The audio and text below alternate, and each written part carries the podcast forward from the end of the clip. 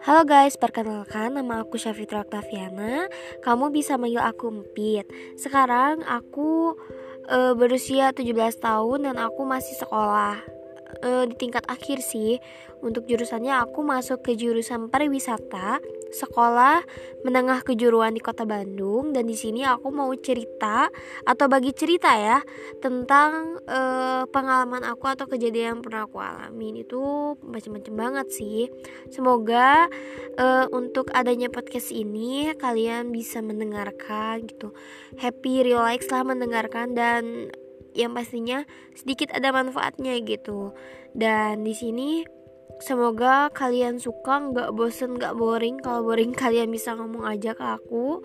Dan thank you udah ngedengerin podcast aku. Dadah.